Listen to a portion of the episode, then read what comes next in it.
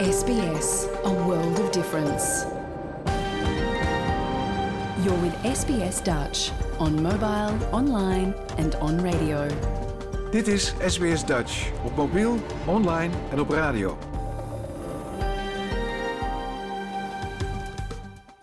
Graag erkennen wij de traditionele eigenaren en verzorgers van het land, van waar we vandaag SBS Dutch uitzenden, en uiten we ons respect aan de Camaragal mensen van de Kurungay Nation en hun ouderlingen uit het heden en het verleden.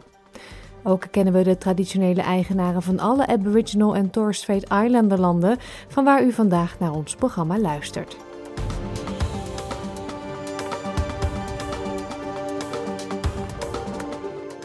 Een hele goede morgen. Mijn naam is Paulien Roesink. Welkom bij SBS Dutch, het Nederlandstalige radioprogramma van SBS. SBS Dutch is met zomerreces en daarom zenden we de komende weken de serie De 12 Provinciën uit. Vandaag aflevering 4 en daarin gaan we lekker uitwaaien in Zeeland. Verder staat onze huishistoricus Ingeborg van Teesling uitgebreid stil bij de stichting van de VN en twee interessante Australiërs die daarbij betrokken waren. En ook hoort u meer over een bijzondere tentoonstelling in het Mauritshuis in Den Haag. Dat en muziek straks, nu eerst. Dit is SBS Dutch. Het aantal vrijwillige brandweerlieden is in het hele land opnieuw gedaald. Nu er voor de komende zomer hete en droge El Niño-omstandigheden worden verwacht, zijn het vooral de migranten die in het noordwesten van Victoria naar voren stappen. SBS Nieuws reisde naar de stad Swan Hill.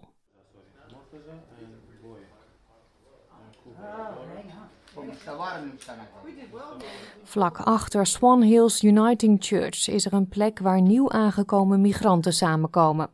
Eén keer per week wisselen ze ervaringen uit tijdens een maaltijd en leren ze meer over het land dat ze nu thuis noemen. Sami Fox kwam vanuit Marokko naar Swan Hill en werkt nu als dossiermedewerker voor de Sunrisai Mali Ethnic Communities Council. Ze organiseerde deze bijeenkomst die gaat over de voorbereiding op bosbranden. I think just really the education and keep reinforcing that message that will help the new, um, you know, and just keeping them in, a, in an environment that it really they feel comfortable and safe. For example, like here, you can see like you just feel like one family, and we talk about it openly. And you have other, we don't have to have a professional interpreter, but we have people that are really good. They can speak the language, they can actually um, interpret and ask all those questions that you actually sometimes be you can't ask. De Country Fire Authority brengt een belangrijk bezoek en verstrekt flyers in eigen taal over het voorbereiden op een bosbrand. Hazara-vluchteling Rohullah Hussaini deelt zijn expertise met de groep. Hij woont al elf jaar in Swan Hill. Het grootste deel van die tijd werkte hij als vrijwilliger bij de SIS-afdeling van de stad. Vorig jaar hielp hij nabijgelegen gemeenschappen bij verwoestende overstromingen.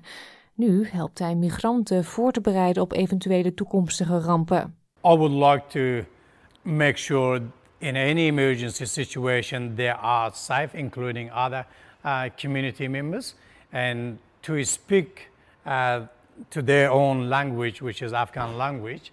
A couple of different Af Afghan languages. Anytime I'm, you know, go and talk to them about any emergency, definitely they are very happy and grateful. Ondanks zijn bijdrage aan de gemeenschap heeft hij nog maar net een permanent visum gekregen. With all this limbo life I've been through for the 11 years, waiting to get a piece of paper, a permanent visa, and a limbo life. If I swear to God, if I did not have ACS around me, and yeah, I might not be here right now and stand, stand up and talking to you guys. Tien jaar geleden waren er bijna 60.000 vrijwilligers bij de CFA in Victoria. Dat aantal is het afgelopen seizoen gedaald tot minder dan 53.000. Hier in Swan Hill, waar meer dan een kwart van de bevolking in het buitenland is geboren, zijn het de nieuwste Australiërs die een helpende hand bieden in tijden van nood. U hoort de burgemeester van de regionale stad, Les McPhee. Yeah, look, you're right in what you say. Volunteering right across Australia is starting to decrease, uh, becoming an aged sort of volunteers. But with the new multiculturalism, the people coming in, it's very important for them to get involved and it's a great way for them to get involved in the community.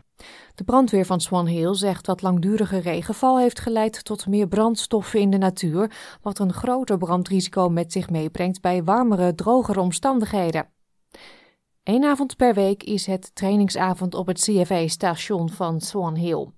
Vrijwillige brandweerman Anton Fernando maakt deel uit van één van de 15 Sri Lankaanse families in de stad. We, we had little fires, but not bigger like here. And they never had uh, experience like this in here. How big and how um, bad it is.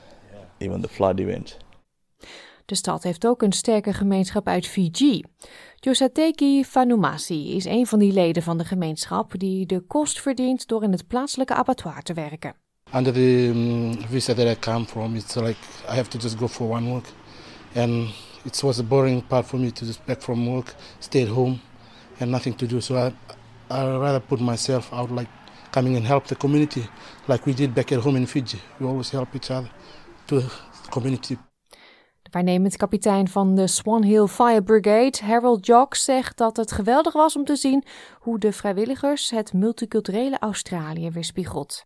A lot of the volunteering places are, are very stereotyped with where what the people that are in them, and I think breaking down those barriers and having people like Joe and Anton bringing what their culture, um, their beliefs and intermingling it with our brigade, I think is absolutely fantastic.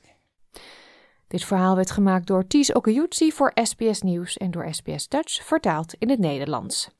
Nederland is niet zo groot qua oppervlakte, toch is het opgedeeld in 12 provincies. En er zit maar 300 kilometer tussen het noorden en het zuiden van het land, toch zijn er veel verschillen tussen die provincies. In de podcastserie De 12 Provinciën leren we de Nederlandse provincies beter kennen dankzij de verhalen en herinneringen van in Australië woonachtige Nederlanders. Vandaag Zeeland. SBS Dutch. Deel onze verhalen op Facebook. Met zo'n 380.000 inwoners is Zeeland de dunstbevolkte provincie van Nederland, met Middelburg als hoofdstad. Lang geleden was de provincie bekend onder de Latijnse naam Maritima Loca, wat plekken aan zee betekent. In de tweede helft van de 12e eeuw werd de naam Zeelandia voor het eerst gebruikt. De Zeeuwse vlag bestaat uit drie witte en vier blauwe golvende banen met daarop een deel van het wapen van de provincie, de leeuw en de kroon zijn te zien. Wat niet op de vlag voorkomt is de spreuk die op het wapen staat: Luctor et emergo. Dit betekent ik worstel en kom boven. Veel mensen denken onterecht dat deze tekst slaat op de langdurige strijd met het water, maar het verwijst oorspronkelijk naar de strijd tegen Spanje. Het Zeeuwse volkslied stamt uit 1919 en was een reactie op annexatieplannen van de Belgen. En het klinkt zo.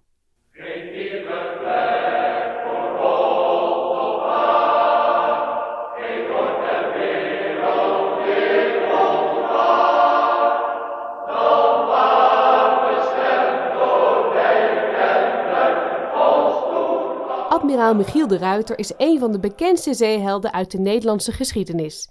Hij werd geboren in Vlissingen en trouwde drie keer, alle drie de keren met een Zeeuwse. Hij hield vast aan Zeeuwse tradities, sprak nooit iets anders dan Zeeuws en zijn schrijftaal is ervan doordrenkt. En weet je wie er ook geboren is in Zeeland? Annie M.G. Schmid, de geestelijk moeder van onder andere Jip en Janneke en ja-zuster nee-zuster. Met de deuren slaan. Ja, zuster, nee, zuster. Niet op de stoel staan. Ja, zuster, nee, zuster. Denk aan de... Vrijwel de hele provincie, op de duinstreek na, ligt op of onder zeeniveau. Zeeland heeft een kustlijn van 650 kilometer, 10 keer meer dan België. Overal in Zeeland sta je binnen een kwartier aan open water. Door de jaren heen heeft de provincie veel te kampen gehad met dat water. Zo vond in 1953 de grootste natuurramp uit de moderne Nederlandse geschiedenis plaats: de watersnoodramp. Het land rouwt. De zee had slechts één nacht nodig om te bewijzen hoe machteloos de mens is.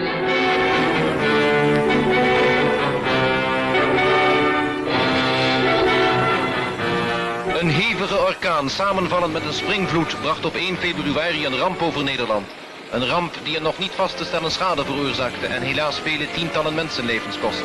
Zeeland wordt het hardst getroffen. In totaal komen er ruim 1800 Nederlanders om, waarvan de helft in Zeeland. Landgenoten die door de ramp getroffen zijn. en gij, redders en helpers in de ruimste zin. Wij staan allen vol ontzag tegenover het grote leed dat ons gehele volk trof, toen een deel daarvan een week geleden werd overvallen door storm en vloed. Na de ramp worden de deltawerken aangelegd. Hierdoor wordt Zeeland veel beter bereikbaar en neemt het toerisme flink toe. En waar komen die toeristen dan zo al op af? Op het ringsteken bijvoorbeeld. Een folkloristische sport waarbij men rijdend op een grote Zeeuwse knol probeert een lans door een ring te steken. Ook kent Zeeland een aantal bijzondere lekkernijen, zoals de Zeeuwse bolus. Een soort koffiebroodje met veel suiker en kaneel, lekker plakkerig. Het woord bolus heeft trouwens niets te maken met de vorm van het zoete baksel, wat lijkt op een. Ja, nou ja, je weet wel. Nee, het woord bolus is afgeleid van het Jiddische woord bolen, wat weer is afgeleid van het Spaanse bollo, dat broodje betekent. Toeristen zijn ook gek op de Zeeuwse boterbabbelaars. Dat is een snoepje van suiker en boter die vroeger geserveerd werd bij de koffie tijdens het werk op het land. Zeeuwen hadden, waren in die tijd niet een rijke provincie. Dus we moesten experimenteren met eigen middelen. Dus uh, uit de keukenkastjes werd al snel het suiker gevonden, azijn en andere ingrediënten die in de babbelaar gaan. En zo kon men op een vrij goedkope wijze een heel lekker snoepje maken. En dan zijn er natuurlijk nog die overheerlijke Zeeuwse mosselen. In Nederland kiest men meestal voor mosselen met brood en sauzen of friet. Het plaatsje Filipine in Zeeuws-Vlaanderen is een echte mosselstad. Het heeft meerdere mosselrestaurants en zelfs een heus mosselmonument. Wie aan de inwoners van Zeeland denkt, denkt aan zuinigheid. Zeeuwen laten het zelden of nooit breed hangen. Dat beeld is zo oud als het Zeeuws meisje van de firma Unilever. In 1894 werd Zeeuws meisje voor het eerst van stal gehaald en in 1930 ging ze voor het gelijknamige margarinemerk op een boerenkar het hele land door. Bekende kreten zijn ons binzunig en... Geen cent te veel hoor! Tot halverwege de vorige eeuw werd er nog regelmatig klederdracht gedragen in Zeeland. Per eiland en per streek zat er verschil in kleding en sieraden. Tegenwoordig zijn de kappen, oorijzers en schorten uit het straatbeeld verdwenen. We zijn al heel veel te weten gekomen over de provincie Zeeland. Het is tijd om de Zeeuwen in Australië aan het woord te laten. Hoe omschrijven zij een provincie? Um, Zeeland is voor mij hoge, hoge lucht, noem ik het. En ik vind als, ik, uh, als je Zeeland inrijdt vanaf de 58, dan zie je die lucht zo bepaald blauw en van die uh, wollige witte slordige wolkjes. En de binnendijkjes en de buitendijkjes, dat is voor mij Zeeland. Uh, zon, zee, strand. Uh, vriendelijke mensen, gezelligheid, ons kent ons en veel toeristen. Ruimte en ja, de mogelijkheid om echt tot rust te komen, dat, dat waardeer ik er heel erg aan. Een plek waar je tot rust kan komen, al dus Joyce Davidson. Ze werd geboren in de Zeeuwse Nieuwdorp en woonde ook jaren in Middelburg. Nu woont ze in Coffs Harbour in New South Wales. Wat maakt Zeeland nou zo bijzonder volgens Joyce? Iedereen zegt natuurlijk dat zijn provincie de beste is, of haar provincie de beste is. Um, ik denk dat Zeeland voornamelijk uh, de meeste zonuren heeft van Nederland, wat ik heel erg waardeer. En ja, de, de rustigste, mooiste stranden. Ik ben heel erg blij en verwend eigenlijk als Zeeuw, want ik denk dat de meeste mensen sommige Zeeuwse stranden nog niet hebben ontdekt. En daardoor is het uh, lekker rustig en hebben wij prachtige plekjes voor onszelf voor mij toch wel de, de onderlinge vriendelijkheid en de saamhorigheid. Het is allemaal wat dorpser dan de grote stad. Nou, ik vind het lastig om te zeggen wat voor onderscheidende kracht Zeeland of zo heeft. Maar wat ik me nog wel goed kan herinneren, dat de Oosterscheldekering wel een enorme indruk op mij maakte. En dat blijkt ook een van de meest indrukwekkende bouwwerken van de Delta te zijn. Dus ik denk dat dat wel echt iets onderscheidends is van Zeeland. Ja, Lotte Epping benoemt natuurlijk terecht de deltawerken als iets wat Zeeland onderscheidt van de andere provincies. Lotte woont nu in Brisbane, maar groeide op in de Zeeuwse hoofdstad Middelburg. Maar wat maakt een Zeeuw een echte Zeeuw? Zijn er typische Zeeuwse eigenschappen? Linda Nieuwstedt van Druten woonde 33 jaar lang in Vlissingen, maar is nu thuis in Kenthurst, ten westen van Sydney. Zij weet wel wat eigenschappen, maar die bezit ze uiteraard zelf niet. Vier dus trots. Uh, dwars. We waren, zijn heel dwars. Dat ben ik dus niet.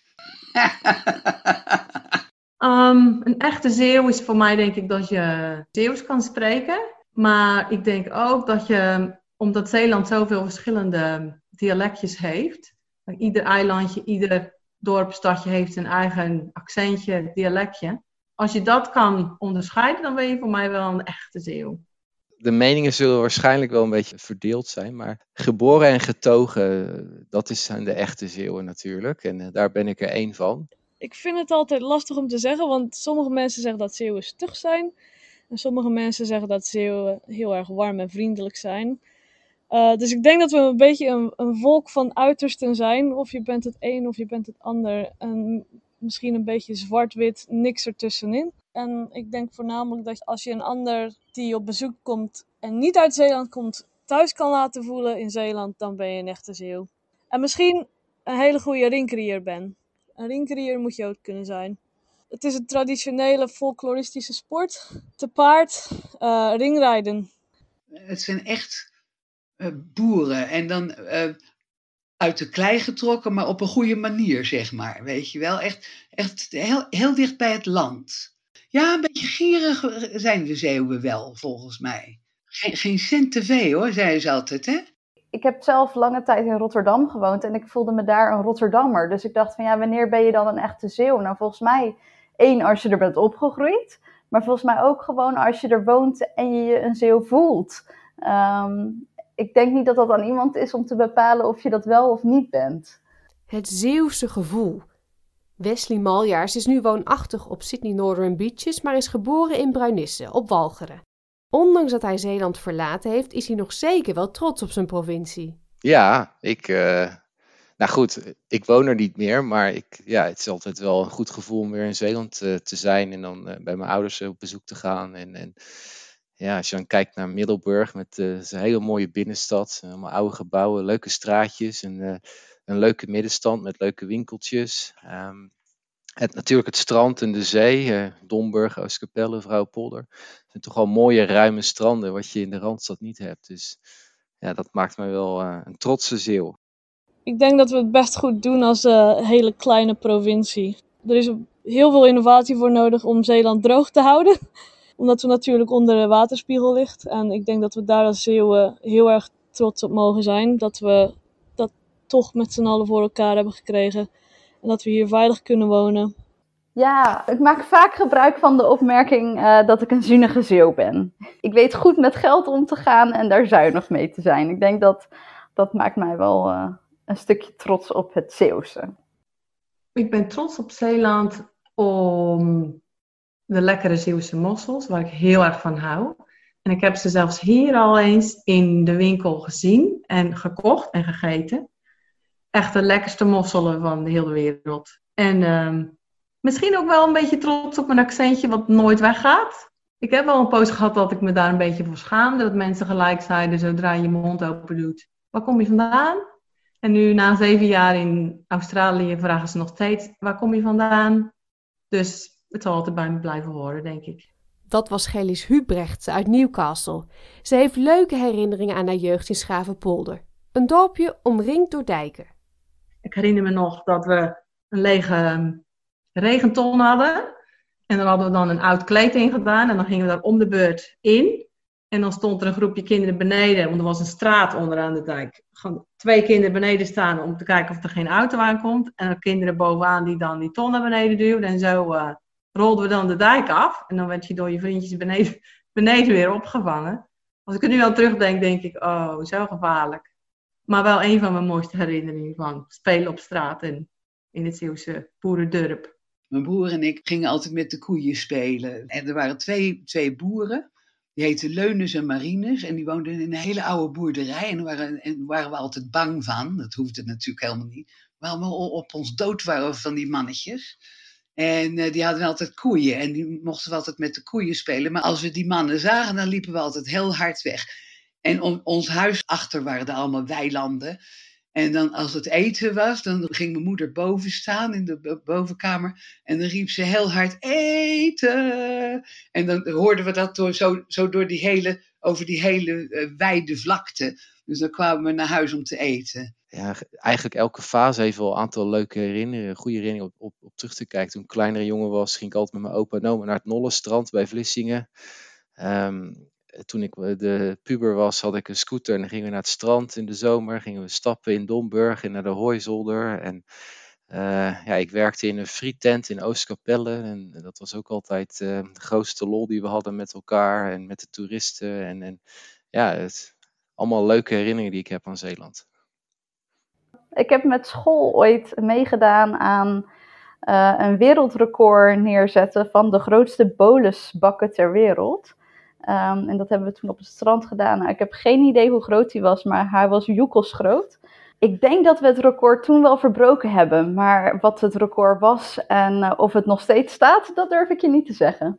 Ik denk dat we graag naar Veren gingen bijvoorbeeld. En dan was het altijd heerlijk om uh, aan de kade daar zo een lekker ijsje met discodip te halen. Grachten die daar zijn en in het Veerse meer uitlopen.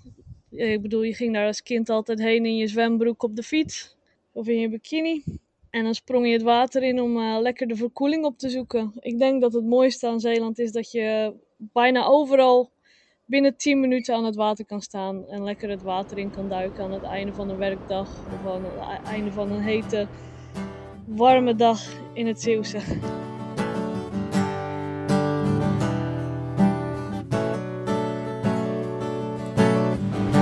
De zoute zee slaakt een diepe zilte zucht. Boven het vlakke land trilt stil de warme lucht. Hey, iemand slaat soms onverwacht, maar zeker op de vlucht. Alarmfase 2 is hier nauwelijks nog berucht, maar men weet het niet. En zwijgt van wat men hoort en ziet. Hier aan de kust, de Zeeuwse kust. Waar de mensen onbewust zin in mosselfeesten krijgen. En van eten slechts nog zwijgen. Als ze zat zijn en voldaan. Dan weer rustig slapen gaan.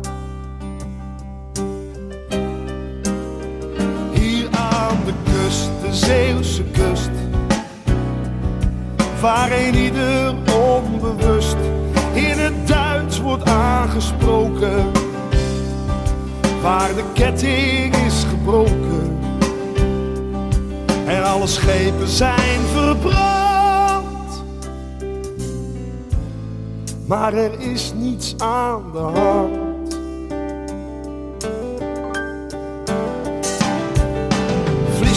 ademt zwaar en moedeloos vannacht. De haven is verlaten, want er is nog maar één vracht. Die moet in het donker buitengaats worden gebracht. Gedenk de goede tijden van zuiverheid kracht, maar men weet het niet.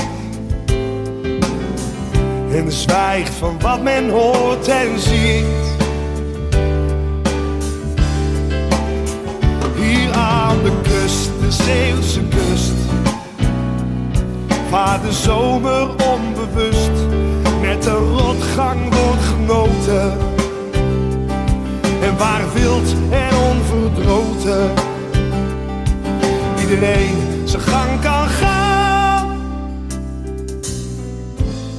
Tot men zat is en voldaan.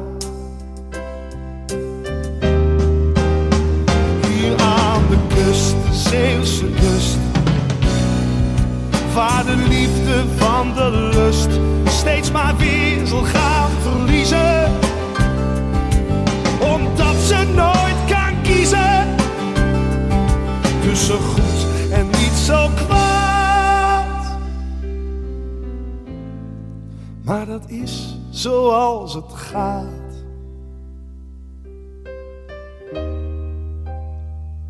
hier aan de kust. En met aan de kust van Bluff zit deze aflevering van de 12 provinciën over Zeeland erop. Ga voor meer podcasts over de Nederlandse provincies naar onze website www.sbs.com/dutch of zoek ons op in je favoriete podcastplayer. Historicus Ingeborg van Teesling bespreekt maandelijks bij SBS Dutch een onderwerp uit de Australische geschiedenis. Van de naoorlogse migratiestroom en de controverse omtrent Australia Day tot de herkomst van single-sex scholen. Jouw gemeenschap, jouw gesprek. SBS Dutch. Ja, afgelopen zondag op 10 december was het Human Rights Day en op die dag werd ook gelijk gevierd dat het 75 jaar geleden de universele verklaring voor de rechten van de mens werd ondertekend in de Verenigde Naties. En Ingeborg, daar wil jij het graag over hebben, want bij de stichting van de VN waren ook twee Australiërs betrokken. Ja, nou ja, kijk, we weten natuurlijk dat. Het heeft een beetje uh, geschiedenis. We weten natuurlijk dat de uh, Verenigde Naties een voorganger had, de League of Nations, de Volkerenbond. Maar die was helaas niet in staat gebleken om de Tweede Wereldoorlog te voorkomen. Dus al in 1941 werden er voorbereidingen getroffen om tot een andere organisatie te komen, die na de oorlog een soort nieuwe en verbeterde versie van de Volkerenbond kon worden. In juni van dat jaar, dus 41, kwamen daartoe de Britten, Canadezen, Australiërs, Nieuw-Zeelanders en Zuid-Afrikanen bij elkaar, samen met de Vrije Fransen en de vertegenwoordigers van acht regeringen in ballingschap. En één daarvan was de Nederlandse.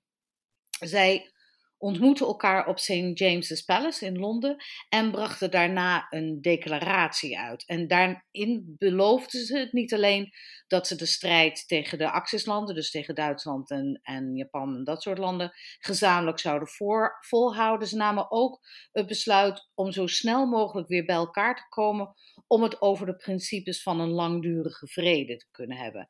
En over de organisatie die daarvoor nodig zou zijn, want die Volkerbond bestond dus niet meer. In augustus van dat jaar sloten de Verenigde Staten zich bij de club aan en brachten ze het Atlantic Charter uit, wat genoeg reden was voor de Russen om zich een maand later ook te melden. En op 1 januari 42 tekenden 26 landen, inclusief ook China, het charter. Gedurende de hele oorlog waren er conferenties en vergaderingen om het charter nog scherper te tekenen en om de regels op te stellen waar de nieuwe organisatie, die nu de werknaam United Nations, dus Verenigde Naties had, zich aan te houden had. En dat la de laatste bijeenkomst van die club was in oktober 44 in Washington op een landgoed dat Dumbarton Oaks heette. En daar stelden de grote vier, China, Groot-Brittannië, de Verenigde Staten en de Sovjet-Unie, ook wel de vier politieagenten genoemd, het document samen waarvan zij dachten dat de, het de laatste versie zou zijn. Ja, en dat hoor ik je heel goed zeggen. Dat dachten ze, dat was het dus niet, die laatste versie. Nee, dat klopt. Kijk, het probleem was dat Dumbarton ook, zoals de bureaucraten dat al snel gingen noemen, gemaakt was door de grote machten, voor de grote machten. En dat zat de kleinere landen helemaal niet lekker. Vooral niet degene die aan de bakermat van de Verenigde Naties hadden gestaan. Dus al die kleine landen zoals Nederland. Helaas zat er voor de meeste van hen, zoals Nederland, weinig anders op dan er het zwijgen toe te doen. Want veel landen in Europa eh, lagen op hun achterste benen en hadden de grote machten, vooral Amerika, nodig om er weer bovenop te komen. Maar dat gold natuurlijk niet voor Australië. Voor Australië was de Tweede Wereldoorlog min of meer afgelopen sinds de Battle of Midway in 1942. En ze had de vijand nauwelijks op het eigen grondgebied. Dat scheelde natuurlijk ook. Kijk, ik bedoel, het was natuurlijk niet fijn geweest, maar in vergelijking met een heleboel andere landen, de meeste andere landen, was ze er nog redelijk goed van afgekomen. Dus Australië wilde wel een vuist maken naar aanleiding van de Barton Oaks. En in april 1945 stuurde minister-president John Curtin een redelijk grote delegatie naar de San Francisco Conference, waar de Barton Oaks zou veranderen in het charter, het handvest van de Verenigde Naties. Zoals ik zei, de grote uh, vier de vier politieagenten en Frankrijk zagen dat als een formaliteit. Maar op de vlucht vanuit Australië, trouwens zonder cabinedruk, hartstikke koud, heel oncomfortabel, zaten twee mensen die heel erg hun best zouden doen om dat niet te laten gebeuren. Herbert Veer Evett en Lady Jessie Street. Allebei waren ze 100% gedreven om alles te doen voor de vrede. En in beide gevallen geloofden ze dat vrede alleen blijvend kon zijn als er gerechtigheid achter zat en wetten die de meest kwetsbaren konden beschermen. Ja, dat klinken als twee uh, interessante personen. Kan je iets over hen vertellen? Uh, zeker. Herbert Vier Everett, die iedereen gewoon Doc noemde, omdat hij een doctoraal had in een tijd dat dat een uitzondering was, was de zoon van een kroegbaas in Maitland. Uh, zijn vader was overleden toen hij een jaar of zeven was, waardoor zijn moeder alleen achterbleef met zes zonen. En die waren allemaal nogal slim, dus verhuisden ze al snel naar Sydney, waar ze een betere opleiding zouden kunnen krijgen. Doc werd advocaat, die bijna automatisch de kant koos van uh, Ierse rebellen en linkse journalisten die werden aangeklaagd voor smaad en werkende mannen en vrouwen die slecht behandeld werden door hun bazen en huisbazen. En daarna schopte hij tot rechter van de Hoge Raad. En dat had hij makkelijk zijn hele leven kunnen blijven. Maar in de jaren dertig ging hij met zijn vrouw op vakantie naar Europa. En daar realiseerde hij zich dat er oorlog aan zou te komen. Zodra hij terugkwam, uh, nam hij ontslag en ging de politiek in om te kijken of hij iets kon doen om dat te voorkomen. Nou ja, helaas kwam die oorlog er natuurlijk nog, maar zijn werk had de aandacht getrokken van John Curtin. En zodra hij minister-president werd, vroeg hij Everett om minister van Buitenlandse Zaken te worden. Als minister had Everett te maken met alle grote mannen, vooral Roosevelt en Churchill. En hoewel hij grote problemen had met beide, was hij erg geïnspireerd door Roosevelt's Four Freedoms, de vier vrijheden waarvan Roosevelt dacht dat ze de basis zouden moeten zijn van een goede en rechtvaardige wereld. Vrijheid van meningsuiting, van godsdienst, uh, vrijheid om niet arm en niet bang te hoeven zijn. Voor Roosevelt waren dat de meest in het oog lopende mensenrechten en Everett was dat met hem eens.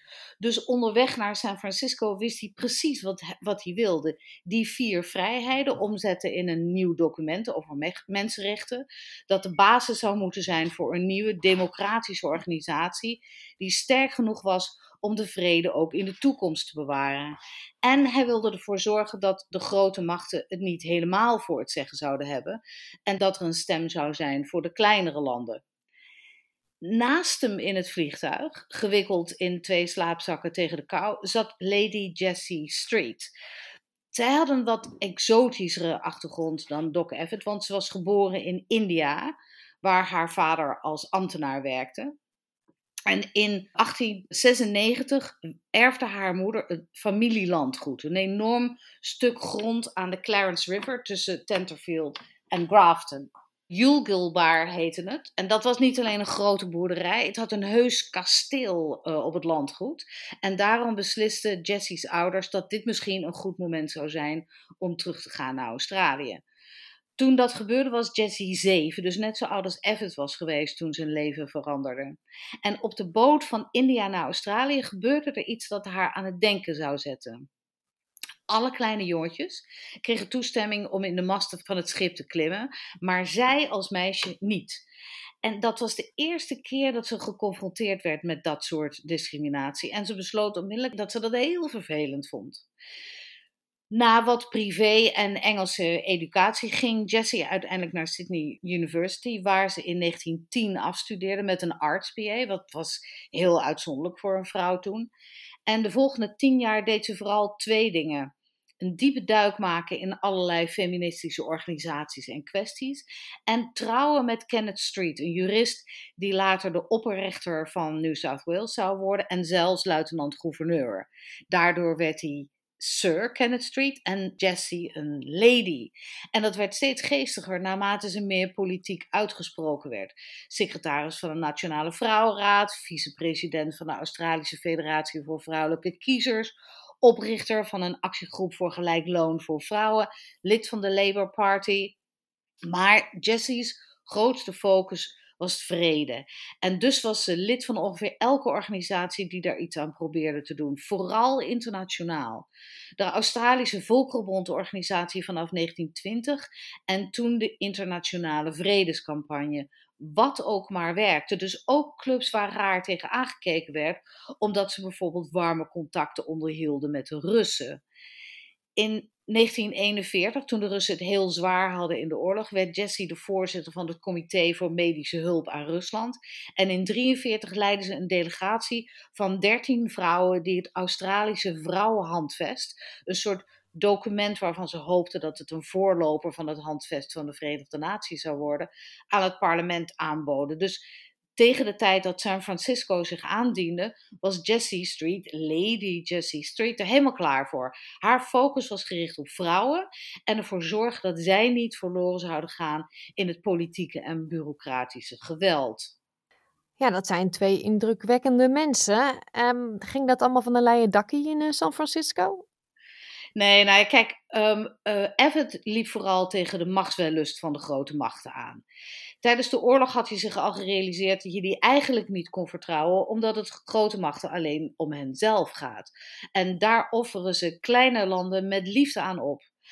Dat had hij gezien bijvoorbeeld toen Roosevelt en Churchill samen besloten hadden tot een strategie die ze eerst Hitler verslaan uh, noemden. Focus op Europa tijdens de oorlog. Dus als Australië daarbij zou worden overgelaten aan de agressie van Japan, uh, dat was helemaal prima.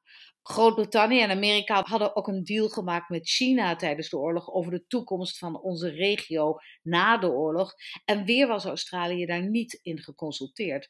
Ze was niet eens uitgenodigd op de vergadering die daarover ging. En dat was de hele oorlog zo doorgegaan. Dus Everett snapte dat hij een vuist moet maken als hij iets zou willen bereiken. Want hij had in zijn achterzak allerlei veranderingen die hij wilde aanbrengen in Dunbarton Oaks. Hij wilde meer macht voor de Algemene Vergadering van de Verenigde Naties. Als het kon, net zoveel macht als de Veiligheidsraad zou hebben. Want in de Veiligheidsraad zaten de grote vijf en die hadden daar vetorecht en dus veel te veel macht, vond Everett. En hij wilde aandacht voor wat hij zag als de onderliggende redenen voor oorlog: armoede, werkloosheid, gebrek aan mensenrechten, slechte levensomstandigheden, gebrek aan vrijheid. Een Everett-vertaling van Roosevelt Vier Vrijheden dus. En hij was vastbesloten dat hij de nieuwe organisatie zo democratisch mogelijk wilde maken. Ook al omdat hij bang was dat als de grote machten alles zouden beslissen, de kleine machten zich van de Verenigde Naties zouden afkeren en dan hadden we weer niks. Ja, dat is een uh, grote droom, uh, nogal wat. En uh, ook helemaal voor een klein landje als Australië, zou je denken. Ja, en in het begin zag het er ook niet zo goed uit. Niet voor Everett, maar ook niet zo voor de conferentie. Want twee weken voordat de gedelegeerde arriveerde, overleed Roosevelt. En de nieuwe president, Truman, was een stuk minder gemotiveerd en stond ook niet zo open voor wat Roosevelts ultieme doel was geweest: de Verenigde Naties als een soort wereldregering. Dus aan de vooravond van de vergadering gaf Everett een speech voor de BBC uh, Radio. En daarin zei hij dat, en ik quote nu: Onze landen moeten deze tweede kans niet laten schieten. We moeten deze mogelijkheid grijpen om een systeem op te zetten van internationale samenwerking, waarin we kunnen samenleven als vrienden. Natuurlijk is veiligheid de eerste prioriteit, maar uh, veiligheid alleen is niet voldoende. Economische, sociale omstandigheden zijn belangrijke drijfveren in internationale relaties. Armoede en werkloosheid zijn de grootste bedreigingen voor de vrede. Kijk, Everett wist dat hij een manier moest vinden om gehoord te worden. En dus kwam hij met een ingenieus plan. Vrijwel onmiddellijk na binnenkomst organiseerde hij dagelijkse persconferenties. Er waren heel veel journalisten aanwezig, zoals je kunt voorstellen, maar niemand sprak tegen hen. En als ze al iets te horen kregen, was dat meestal bureaucratische kletskoek. Everett deed daar wat aan. Ik praat met jullie, zei hij, omdat het nodig is dat de hele wereld hoort wat hier gebeurt. En jullie vertegenwoordigen de wereld. Dat was natuurlijk best een reden, maar nog belangrijker was dat Everett de journalisten kon gebruiken om via hen zijn tegenstanders te laten weten wat hij wilde. En niet alleen zijn tegenstanders, de kleine landen hoorden hem ook. En binnen de kortste keren werd Everett hun woordvoerder, de man die opkwam voor hun zaak. En zo ging hij dus de conferentie in, uh, hopend dat het genoeg was. Nou ja, hij werkte ook wel hard natuurlijk. Kijk, de conferentie duurde tien weken. Everts team werd helemaal gek van hem gedurende die tien weken. Hij stond s ochtends om zeven uur op, ging naar zoveel mogelijk commissievergaderingen als mogelijk, vaak rennend van zaal naar zaal, terwijl hij door zijn mensen werd bijgepraat. Als s'avonds om half elf de vergaderingen voorbij waren, riep Everts zijn staf bij elkaar en dan praten ze de volgende dag door. Om twee uur werden de typistes opgeroepen, uit bed gehaald dus, om de nieuwe voorstellen uit te tikken. En dan ging Everett even naar bed om om zeven uur weer op te staan en het allemaal nog een keer te doen. 70 dagen lang. En Everett was natuurlijk al begin 50. Uiteindelijk diende Australië 38 amendementen in, waarvan er 26 helemaal of gedeeltelijk werden aangenomen. Natuurlijk verloor Everett sommige kwesties, maar hij won er ook een paar. Het lukte hem niet om iets aan de vetomacht te doen, maar de grotere rol voor de algemene vergadering kwam er wel. Economische en sociale programma's werden onderdeel van de Verenigde Naties en organisaties die zouden gaan kijken naar de toekomst van kolonialisme. En de definitie van mensenrechten werd uitgebreid met het recht tot creatieve expressie, toegang tot educatie, redelijke werkomstandigheden. Kijk, het was niet geweldig, maar ook niet slecht. Everett was een harde onderhandelaar en een beetje een drammer. En daardoor had hij een aantal vijanden gemaakt. Vooral de Britten hadden echt een hekel aan hem. Ze vonden hem een vreselijke man, zeiden ze, en waren uh, geschokt door zijn disrespectvolle houding. Per slot waren zij de grote macht en was Australië niet meer dan een soort domeintje daar aan de andere kant van de wereld waar zij de baas over waren. Maar het hoofd van de Amerikaanse delegatie zei dat Everett meer tot de San Francisco-conferentie had bijgedragen dan wie dan ook. En ook dat het een virtuoos optreden was geweest. Iemand anders zei dat hij het idee had gehad dat er wel tien Everts waren geweest, allemaal met een grote morele kracht de pers, die natuurlijk erg van hem was gaan houden, schreef dat het bij Everett allemaal ging om dit, en dit is een quote, altruïsme. Hij heeft een goed gevoel voor humor en kan een foutbal zien aankomen voordat hij zelfs maar gegooid is. Hij gaat om met de vragen van verslaggevers alsof hij voor een orkest Beethoven de zevenste staat te dirigeren. En het handvest is net zo belangrijk voor hem als het Onze Vader en hij kan het net zo makkelijk citeren. Mooi citaat vind ik dat altijd. De New York Times zei zelfs dat toen Dr. Everett aankwam, was hij niets meer dan een onbekende tweederangse deelnemer, een professor met een Labour-achtergrond en nu die vertrekt, wordt hij door iedereen erkend als de meest briljante en meest effectieve stem van de kleine machten. Een leider en een staatsman, een man die niet bang was, een man die het geweten van de wereld genoemd mag worden. Nou, dat is wel al wat natuurlijk. Zo. En op de laatste vergadering stonden alle gedelegeerden op en gaven Everett een daverend applaus. Na aanleiding van Everett's succes werd Australië het eerste niet-permanente land van de Veiligheidsraad in 46 en Everett zelf werd gekozen tot de derde president van de Algemene Vergadering van de Verenigde Naties in 48. Hij was de enige Australiër die ooit die eer gehad heeft. Tegen die tijd, 48, was de Koude Oorlog opgewarmd en was een derde wereldoorlog het gesprek van de dag, zoals Everett zelf zei. En daarom bleef hij vanaf die stoel van president maar hameren op vrede. Regeringen moeten inwoners hoop bieden, zei hij. Mensen willen niet veel. Vrede, rechtvaardigheid, misschien een redelijk leven voor henzelf, maar vooral voor hun kinderen. Ja, die man die heeft heel wat bereikt, petje af. Ben wel ook benieuwd uh, hoe het met uh, Jessie Street is gegaan. Hoe verging het haar? Nou, terwijl Doc Evans de grote machten een uh, liet ruiken, realiseerde Jessie Street zich dat zij één van de acht vrouwelijke afgevaardigden was. Acht van de 850 mensen op de conferentie. Nog niet eens 1% dus. En dat was zorgelijk. Met de steun van de anderen en van Eleanor Roosevelt was Jessie Street's eerste doel de inclusie van het woord seks in de clausule die ging over discriminatie. Aan het begin van de conferentie stond er alleen dat je niet kon discrimineren op grond van ras, taal of religie. Niks over geslacht. En de meeste landen wilden niet dat dat woord werd toegevoegd, want, zeiden ze, de tekst ging over mensen. En dat betekende dat vrouwen al automatisch onderdeel waren. Maar daar was Jessie Street het niet mee eens. Waar de regels zwijgen, worden vrouwen meestal over het hoofd gezien, was haar mening. En dus vocht ze tot dat woord in die zin terecht kwam. Daarmee werd de Verenigde Naties de eerste internationale organisatie die officieel het principe van gelijkheid tussen mannen en vrouwen vastlegde. Maar Street en haar vrienden gingen verder. Ze zorgden ervoor uh, dat er een commissie voor de status van vrouwen kwam, met als speciale opdracht om vrouwendiscriminatie te onderzoeken. En daar werd ze de eerste vicepresident van. En er kwam een speciale clausule die zei dat ook vrouwen bij de Verenigde Naties mochten en moesten werken. Ik wilde geen twijfel over laten bestaan, zei ze, dat vrouwen in de toekomst elke functie moeten kunnen bekleden. We willen duidelijk maken dat hierbij van geen discriminatie sprake kan zijn. Er waren natuurlijk ook gevechten die Street net als Everett verloor. Ondanks het feit dat de Universele Verklaring van de Rechten van de Mens was samengesteld door een commissie onder leiding van Eleanor Roosevelt, ging het eigenlijk alleen maar over mannen. De eerste zin was: alle mensen zijn broeders. En de rest van de tekst had het alleen maar over hij. Street duwde en duwde, maar kreeg maar deels gelijk. Die eerste zin veranderde wel. In alle mensen zijn vrij en gelijk geboren. Maar verder bleef het bij het mannelijk voornaamwoord. Het lukte Street wel om gelijke rechten voor vrouwen in huwelijken op de agenda te krijgen. Maar een ban op uh, polygamie, wat ze had gewild, dat ging de vergadering te ver. Gelijke betaling voor vrouwen werd meegenomen, net als sociale zekerheid voor weduwen. Maar andere gevechten, zoals een vrijheid voor vrouwen om zich tegen geweld te verzetten, die werden verloren.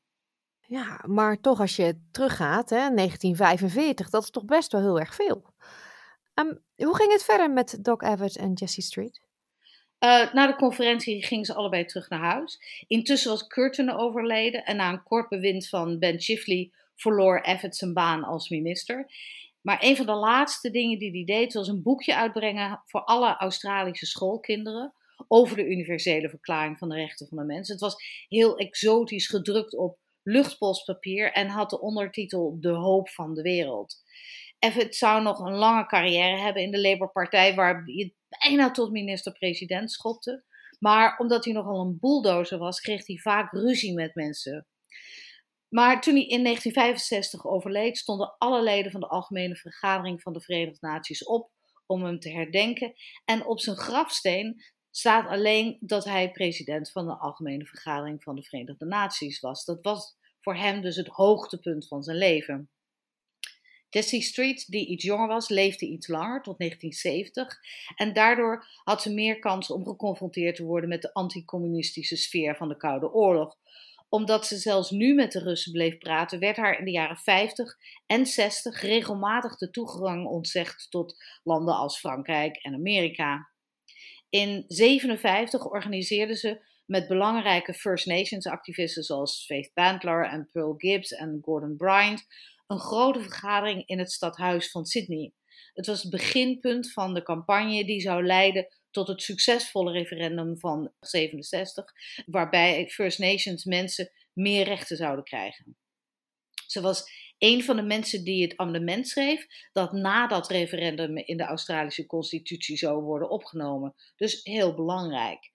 Het archief van Jessie Street is opgenomen in een prachtige website, Het Geheugen van de Wereld. Als een aandenken aan wat zij dan eh, zeggen, een prominente Australische activist die zich 60 jaar heeft ingezet voor de rechten van vrouwen, First Nations mensen en vrede. En toen ze overleed, schreef een van de kranten dat ze, zoals alle progressievelingen, veel haat en vijandigheid over zich heen gekregen heeft. Maar dat zag ze alleen maar als een bevestiging van haar politieke gelijk. De geschiedenis heeft bewezen dat ze dat goed had gezien. Eleanor Roosevelt heeft de Universele Verklaring voor de Rechten van de Mens, het document dat ten basis ligt aan de Verenigde Naties, ooit het Magna Carta van de mensheid genoemd. Het werd officieel gemaakt, daar begonnen we mee vandaag, op 10 december 48 onder Evatt's bewind ja, twee indrukwekkende Australiërs hadden er alles aan gedaan om het zover te krijgen. En dat is natuurlijk best iets om trots op te zijn. Meer interessante verhalen over de geschiedenis van Australië vindt u uiteraard op onze website www.sbs.com.au/dutch. Dus zie je nu met Iedereen is van de wereld. Ja, wat nou als kunstwerken konden spreken? In het Mauritshuis in Den Haag is een tentoonstelling te bezichtigen die de verhalen van geroofde voorwerpen vertelt met behulp van virtual reality. Zo kunnen bezoekers de diefstal van de Quadriga op de Brandenburger Tor in Berlijn herbeleven. SBS Dutch, woensdag en zaterdag om 11 uur ochtends of online op elk gewenst tijdstip.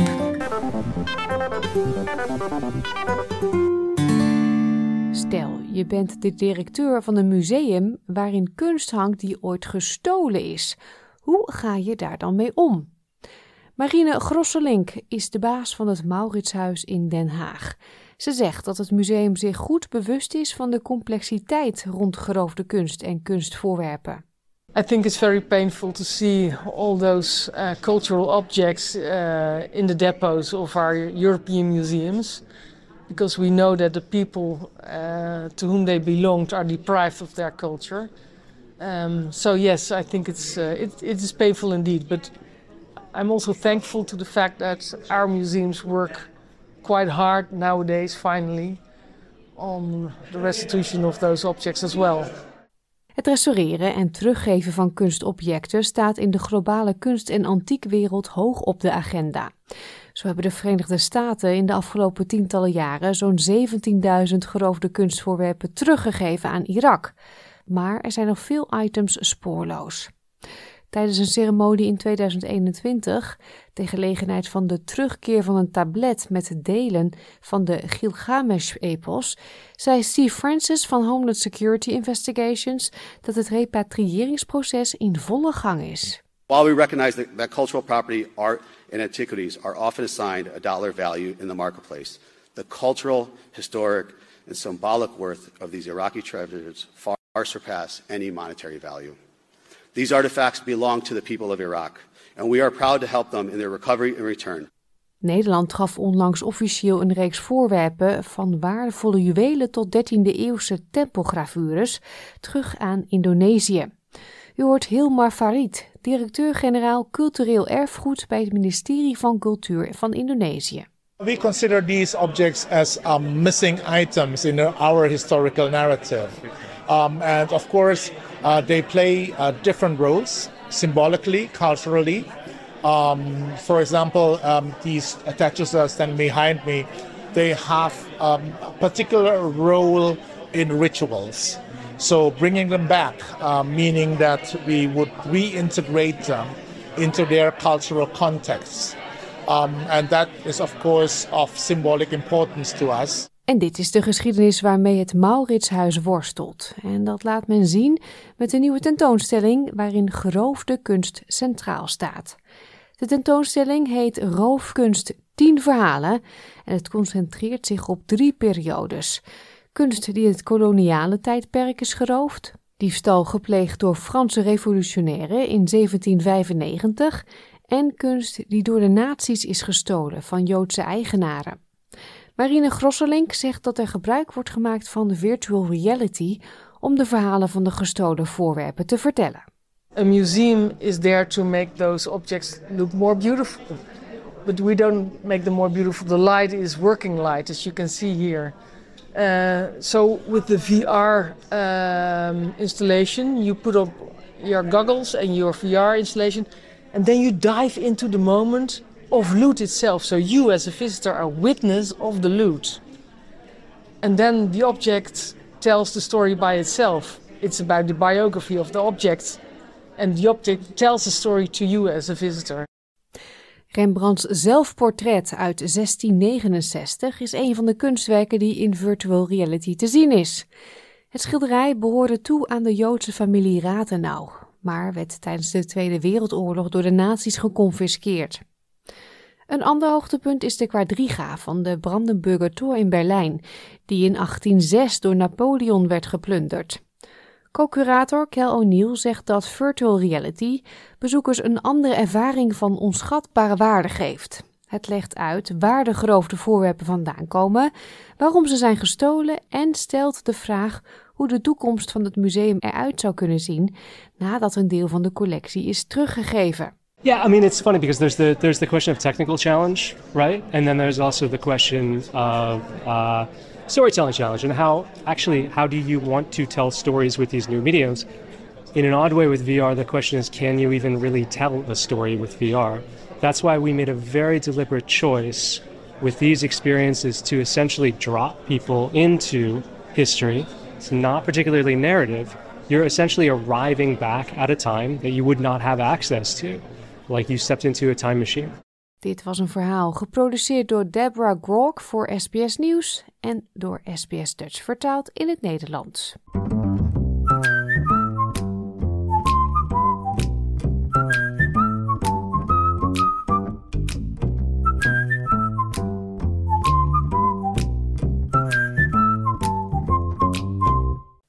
Tot zover deze aflevering van SBS Dutch. Al onze podcastseries zijn te beluisteren op onze website www.sbs.com.au Dutch of download de gratis SBS Audio app in Google Play of de App Store.